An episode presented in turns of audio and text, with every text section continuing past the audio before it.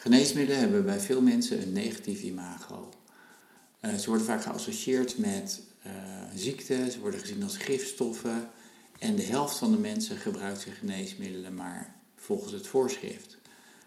Hierdoor halen ze niet het maximale uit hun geneesmiddelen. Want bijna alle geneesmiddelen hebben positieve effecten op de gezondheid van mensen en een minimum aan bijwerkingen vaak. Ik ben Harm Geers, een apotheker. En via de Apothekerspodcast wil ik uw mening over geneesmiddelen positief bijstellen. We gaan het vandaag hebben over merkwisselingen in de apotheek. Heel veel mensen die hebben een geneesmiddel wat ze al jaren gebruiken en waarbij dan plotseling het geneesmiddel van merk wisselt. Mensen krijgen in één keer een andere doosje, het ziet er anders uit, de tabletten zien er anders uit. En dat, uh, dat geeft heel vaak uh, nou, klachten bij mensen. Ik merk in de apotheek dat heel veel mensen terugkomen en zeggen: Oh, ik heb nu dat andere merk en ik heb enorm veel bijwerkingen gekregen ervan. En dat komt zo vaak voor dat ik uh, bij mezelf dacht: Nou, hoe kan dat nou? Want in principe, als je een ander merk krijgt, zit daar hetzelfde werkzame geneesmiddel in. Maar er zijn een paar dingen die misschien anders zijn. Dat is de tabletvorm, het doosje. En wat je soms ook ziet, is dat er verschillende hulpstoffen anders zijn. Nou, waarom worden die werken nou gewisseld in de apotheek? Dat is natuurlijk ook de vraag. Want waarom zou je dat doen? Als je er bijwerkingen van krijgt, zou het, is het niet goed voor mensen om, om te wisselen. Nou, die wisselingen die treden op als gevolg van een aantal zaken. Ten eerste zijn er heel vaak um, tekorten aan geneesmiddelen. In Nederland zijn de geneesmiddelen zo goedkoop dat er heel weinig, uh, als er heel weinig beschikbaar is, dat Nederland als laatste in het rijtje van uh, toe te leveren landen staat. Omdat de prijs gewoon goedkoop is, laag is. En de fabrikant in een ander land meer winst kan maken. Dus ze zegt, nou dat is een aantrekkelijker land om mijn geneesmiddelen af te leveren. En wat verder gebeurt is dat zorgverzekeraars in Nederland, die hebben een zogenaamd preferentiebeleid en door dat preferentiebeleid uh, zeggen ze, nou, gedurende deze periode wordt geneesmiddel van merk A vergoed, want dat is goedkoper. En gedurende de volgende periode geneesmiddel van merk B, omdat het goedkoper is in die periode. Dus er komen ontzettend veel uh, wisselingen voor. Dat is heel vervelend voor mensen, zeker als ze ehm, bijwerkingen krijgen. Nou, hoe komt het nou dat die bijwerkingen ontstaan? Want dat is natuurlijk heel raar als je een geneesmiddel hebt met dezelfde werkzame stof, die zeg maar in je lichaam exact hetzelfde doet als het andere geneesmiddel wat je gewend was, dat je dan toch bijwerkingen krijgt. Heel veel mensen zeggen, nou dat komt doordat het geneesmiddel hulpstoffen heeft. En hulpstoffen zijn uh, stoffen die in een tablet zitten. Je hebt de werkzame stof, dat is het geneesmiddel wat zijn werking moet doen in je lichaam, bijvoorbeeld de bloeddruk verlagen. En daarbij heb je ook in een tablet hulpstoffen. En die hulpstoffen, dat zijn vaak vulmiddelen, zoals lactose of cellulose. En verder zitten er vaak magnesiumstearaat in. En magnesiumstearaat is een, uh, een stof die uh, zorgt dat je het tablet wat makkelijker kan uh, samenklonteren. En siliciumoxide, dat is een stof die zorgt dat, het, dat, dat je een beter poeder krijgt. Want die tabletten worden gemaakt uit een poeder en dat poeder wordt samengedrukt. En die hulpstoffen zijn eigenlijk stoffen die ook in snoepjes zitten. Bijvoorbeeld in een van die hartjes, die snoepjes zitten ook diezelfde hulpstoffen. Die hulpstoffen doen eigenlijk heel erg weinig. En voordat een geneesmiddel uiteindelijk moet worden, eh, kan worden toegelaten op de, op de Nederlandse markt, moet de fabrikant kunnen aantonen dat het, de, het merk wat hij op de markt wil brengen eigenlijk bijna hetzelfde is als het merk wat er was. En ik zeg bijna hetzelfde omdat er een, aan bepaalde eisen voldaan moet worden. En die eisen die liggen nogal, uh, of die liggen nogal uit elkaar. Uh, die zitten tussen de 80 en de 125 procent van de, de, het oorspronkelijke geneesmiddel. Dus dat betekent dat een geneesmiddel die, die zeg maar 81 procent op dezelfde manier werkt, niet op dezelfde manier werkt, maar op dezelfde concentratie in het bloed krijgt, moet ik eigenlijk zeggen, als het oorspronkelijke geneesmiddel, dan wordt dat geneesmiddel als gelijk beschouwd. In het, eh, in wat, wat duurder woord heet dat bio-equivalent. Nou, geneesmiddelen zijn bio-equivalent als ze uh, aan een aantal voorwaarden voldoen. Namelijk als ze ehm, tussen de 80 en 125 procent uh, van hun concentratie ehm, uh, over de tijd hetzelfde is. Dus als je geneesmiddel inneemt, dan neemt langzaam de concentratie toe. Op een gegeven moment is al het geneesmiddel is opgenomen, dan heb je de maximale concentratie en dan gaat je lichaam het geneesmiddel weer uitscheiden. Nou, die maximale concentratie uh, die mag tussen de 80 en de 125 procent zitten. Als nou een geneesmiddel heel sterk werkt, dan zijn die eisen strenger. Dan is het tussen de 90 en ongeveer 110 procent. Nou, in principe is dat voor de werkzaamheid, uh, kan je daar, nou, zou je wat bijwerkingen aan kunnen verklaren bij hele sterk werkende geneesmiddelen. Maar eigenlijk zitten dus die 80 en die 125 procent, merk je eigenlijk niet zo heel erg veel van, de, van het effect. Um, en die hulpstoffen, wat die eigenlijk doen, is die zorgen eigenlijk dat het geneesmiddel wat makkelijker uit elkaar valt. Dat er, zit een zwelmiddel in, waardoor dat tablet uit elkaar valt in je maag en makkelijker wordt opgenomen. Uh, maar als die eigenschappen van bio-equivalentie, als die gelijk zijn, dan merk je daar eigenlijk dus weinig verschil in. Toch hoor ik heel veel van mensen dat ze problemen krijgen en dat ze bijwerkingen krijgen. En ik dacht vroeger altijd, nou, dat is echt allemaal onzin, dat kan helemaal niet. Uh, wetenschappelijk gezien is daar geen enkele basis voor. Maar ik kreeg zo verschrikkelijk veel mensen die daar eigenlijk mee terugkwamen in de apotheek. En zeiden, ja, ik merk echt dat ik bijwerkingen heb. Dat ik dacht, nou, dat gaan ze niet zomaar verzinnen, dit soort dingen. Dus ik heb wat onderzoek gedaan naar hoe die bijwerkingen nou precies komen. En daarbij kwam ik eigenlijk uh, tegen dat ook mensen die bijvoorbeeld in een onderzoek uh, geneesmiddelen krijgen, dezelfde soort bijwerkingen krijgen als, als bij mensen die wisselen. En hoe komt dat nou? Nou, ik heb in, gekeken naar um, onderzoeken bij geneesmiddelen waarbij eigenlijk twee, de, de, de, de, testpersonen in twee groepen worden ingedeeld. De ene groep, dat is de groep die krijgt een placebo dat is een neppil. En de andere groep die krijgt een, het geneesmiddel wat getest wordt. En ik heb eigenlijk gekeken naar de mensen die in de placebo bijwerkingen krijgen. De placebo-pil is dus een pil waar niets in zit. En nou is het grappige dat als je gaat kijken naar dat onderzoek, er is een heel groot onderzoek geweest naar kinderaspirines. En dat is op verschillende plekken eh, in de wereld is dat onderzoek gedaan. En bij toeval was er in een aantal plekken in de wereld, en mensen krijgen altijd voordat ze starten, krijgen ze een folder met informatie van dit geneesmiddel kan die en die en die bijwerkingen krijgen. En een van de bijwerkingen bij aspirine is maagklachten. Nou bleek dat uh, bij, de groep, uh, bij een, een, groep mensen in, op meerdere locaties, dat die maagklachten in het informatiepakket wat mensen kregen was weggevallen. En toen ze later terug gingen kijken, bleek dat op alle locaties waar stond dat de mensen maagklachten hadden, in de placebo-groep, dus in de groep die een neppil krijgt, het aantal gevallen van maagklachten ongeveer zes keer zo hoog was. Ik denk, nou, dat is heel raar, want die mensen hebben een neppil gehad. Dus kennelijk, als je iets verwacht, als je verwacht dat je maagklachten krijgt, krijg je die ook daadwerkelijk. En dat bleek ook zo te zijn. En toen ben ik verder gaan zoeken, want ik bleek bij heel veel onderzoeken het geval te zijn.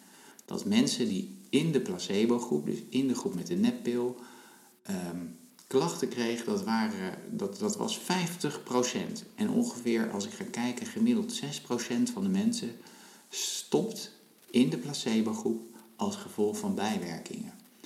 Dus dat is heel erg apart. En kennelijk heeft dat te maken met een verwachtingspatroon wat mensen hebben.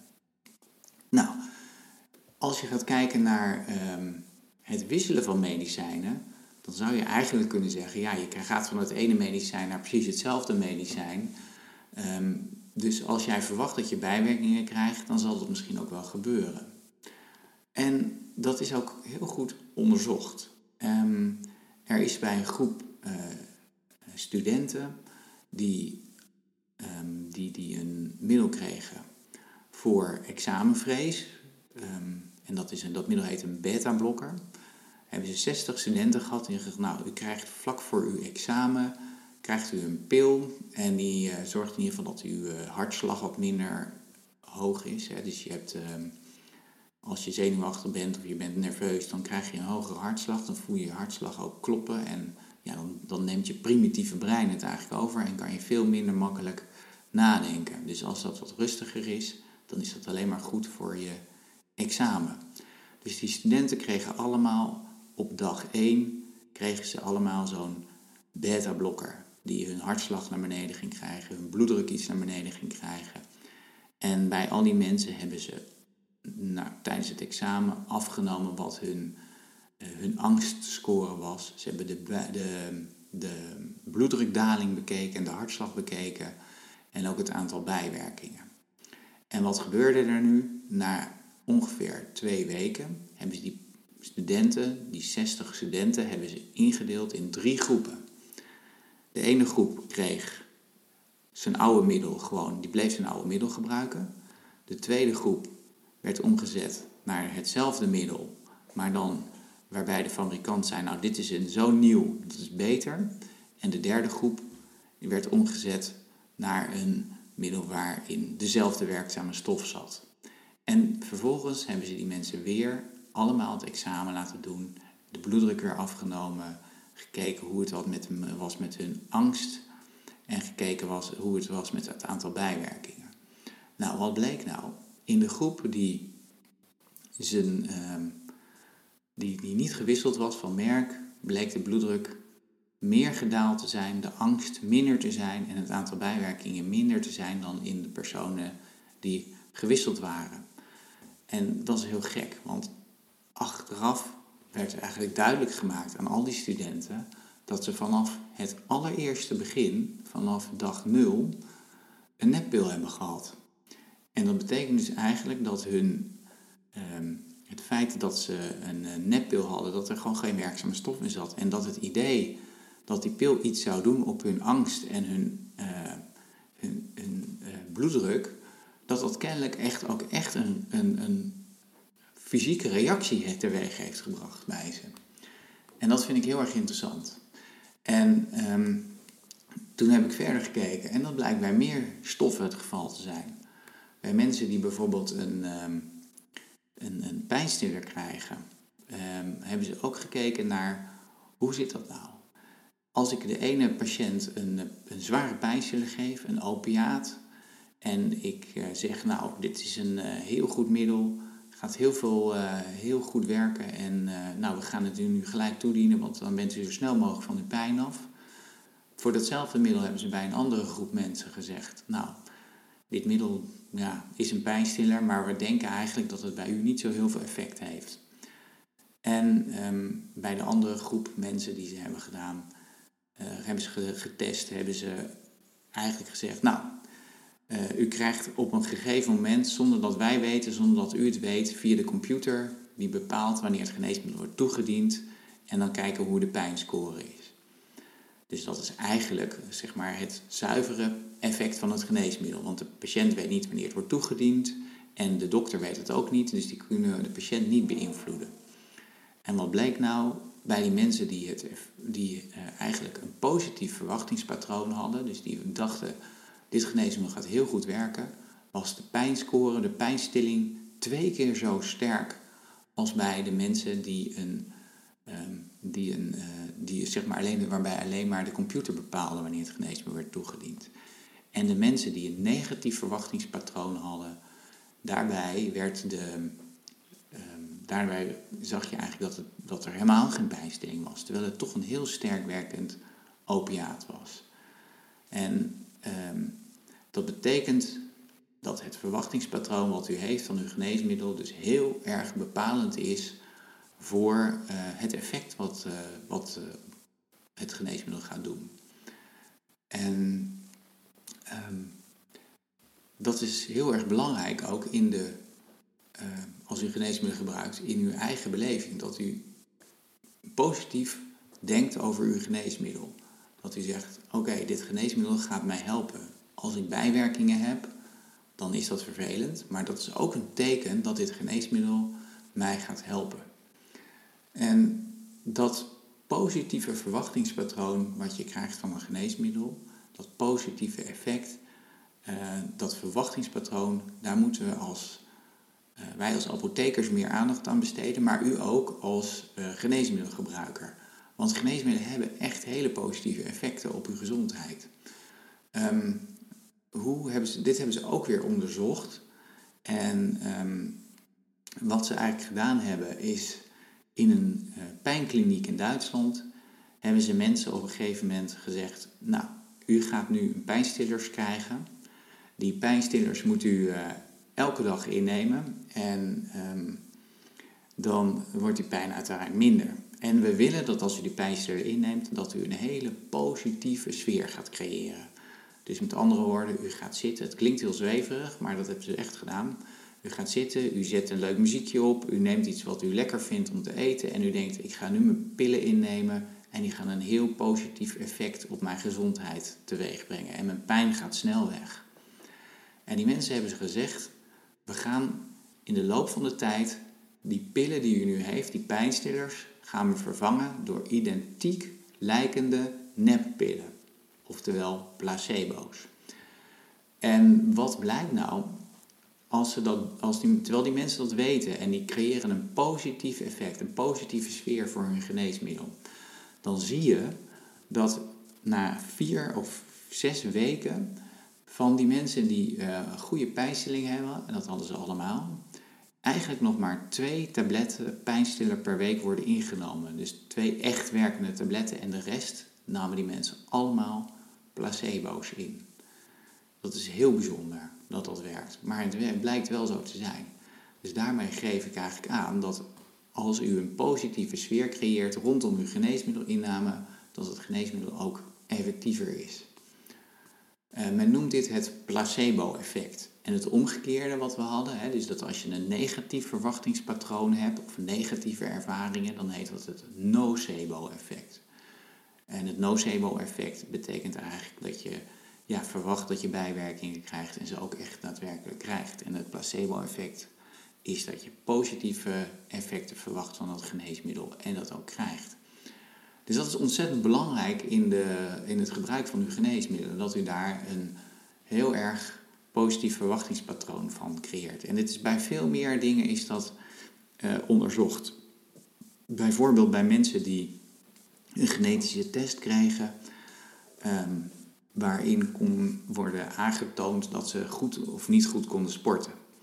Nou, na het nemen van die genetische test werden mensen eigenlijk lukraak verteld, nou u bent positief, u heeft een heel goed atletisch vermogen.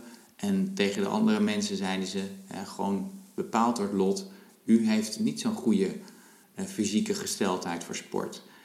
En um, terwijl ze net een genetische test hadden afgenomen en hè, als mensen zeiden van, nou u heeft niet zo'n uh, goede genetische structuur om goed te kunnen sporten, kon dat best betekenen dat die mensen dat in werkelijkheid wel hadden, maar dat wist niemand.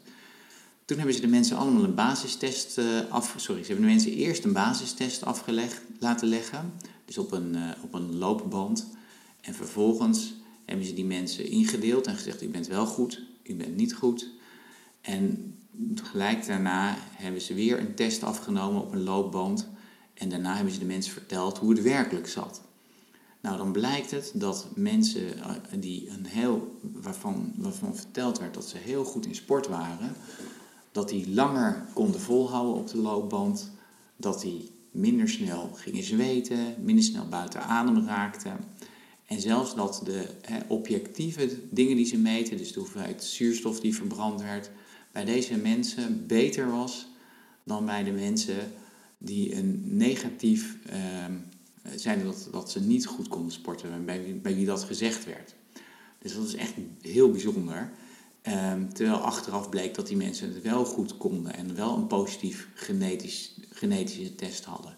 Dus dat geeft maar weer aan dat als je zelf het gevoel hebt dat je het niet kan, dat je minder goed bent, dat je ook daadwerkelijk minder goed bent.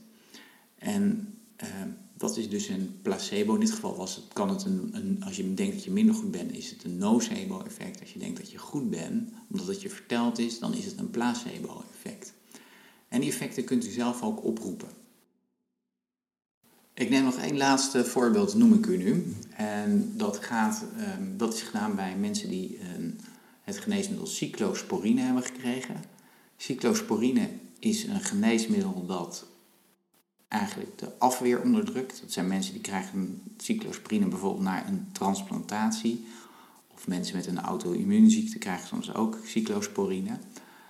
Um, wat gedaan is, is hebben de cyclosporine hebben ze opgelost in een milkshake. En een milkshake, dat is een drankje wat heel veel mensen lekker vinden, waar ze goede positieve associaties mee hebben. En uh, nou ja, u zult begrijpen dat als je de cyclosporine oplost in een milkshake, dat die cyclosporine natuurlijk gewoon zijn werk doet. En keurig netjes een, uh, een onderdrukking van het immuunsysteem gaf. En dat kan je meten.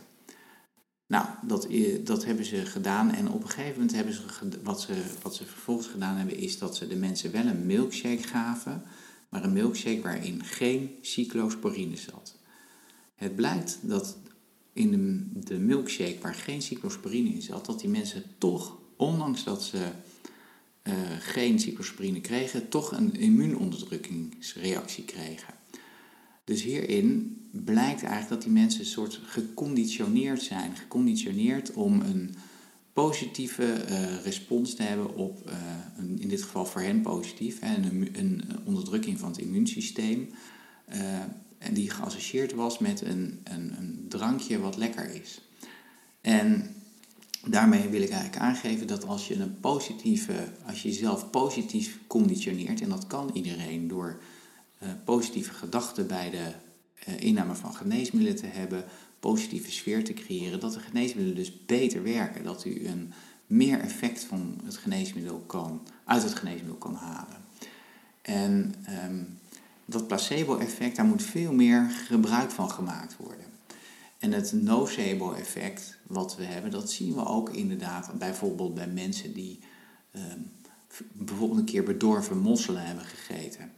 Die mensen die hebben, die, iedereen die je vraagt of ze nog mosselen eten als ze een keer ziek zijn geweest van bedorven mosselen, die zullen zeggen dat ze daar nou eigenlijk dat bijna nooit meer eten. En daar toch een negatieve associatie mee hebben. En dat is ook eigenlijk heel logisch, want dat stamt een beetje, tenminste dat denk ik zelf, het stamt een beetje uit de tijd dat we nog op de, op de prairie leefden als uh, oermensen. Dan was het heel belangrijk dat als jij iets at waarvan je ziek werd, dat je dan niet nog een keer deed, want dat zou je overleving negatief beïnvloeden. En dat is een hele sterke overlevingsrespons, die natuurlijk qua evolutie enorm ingebakken is.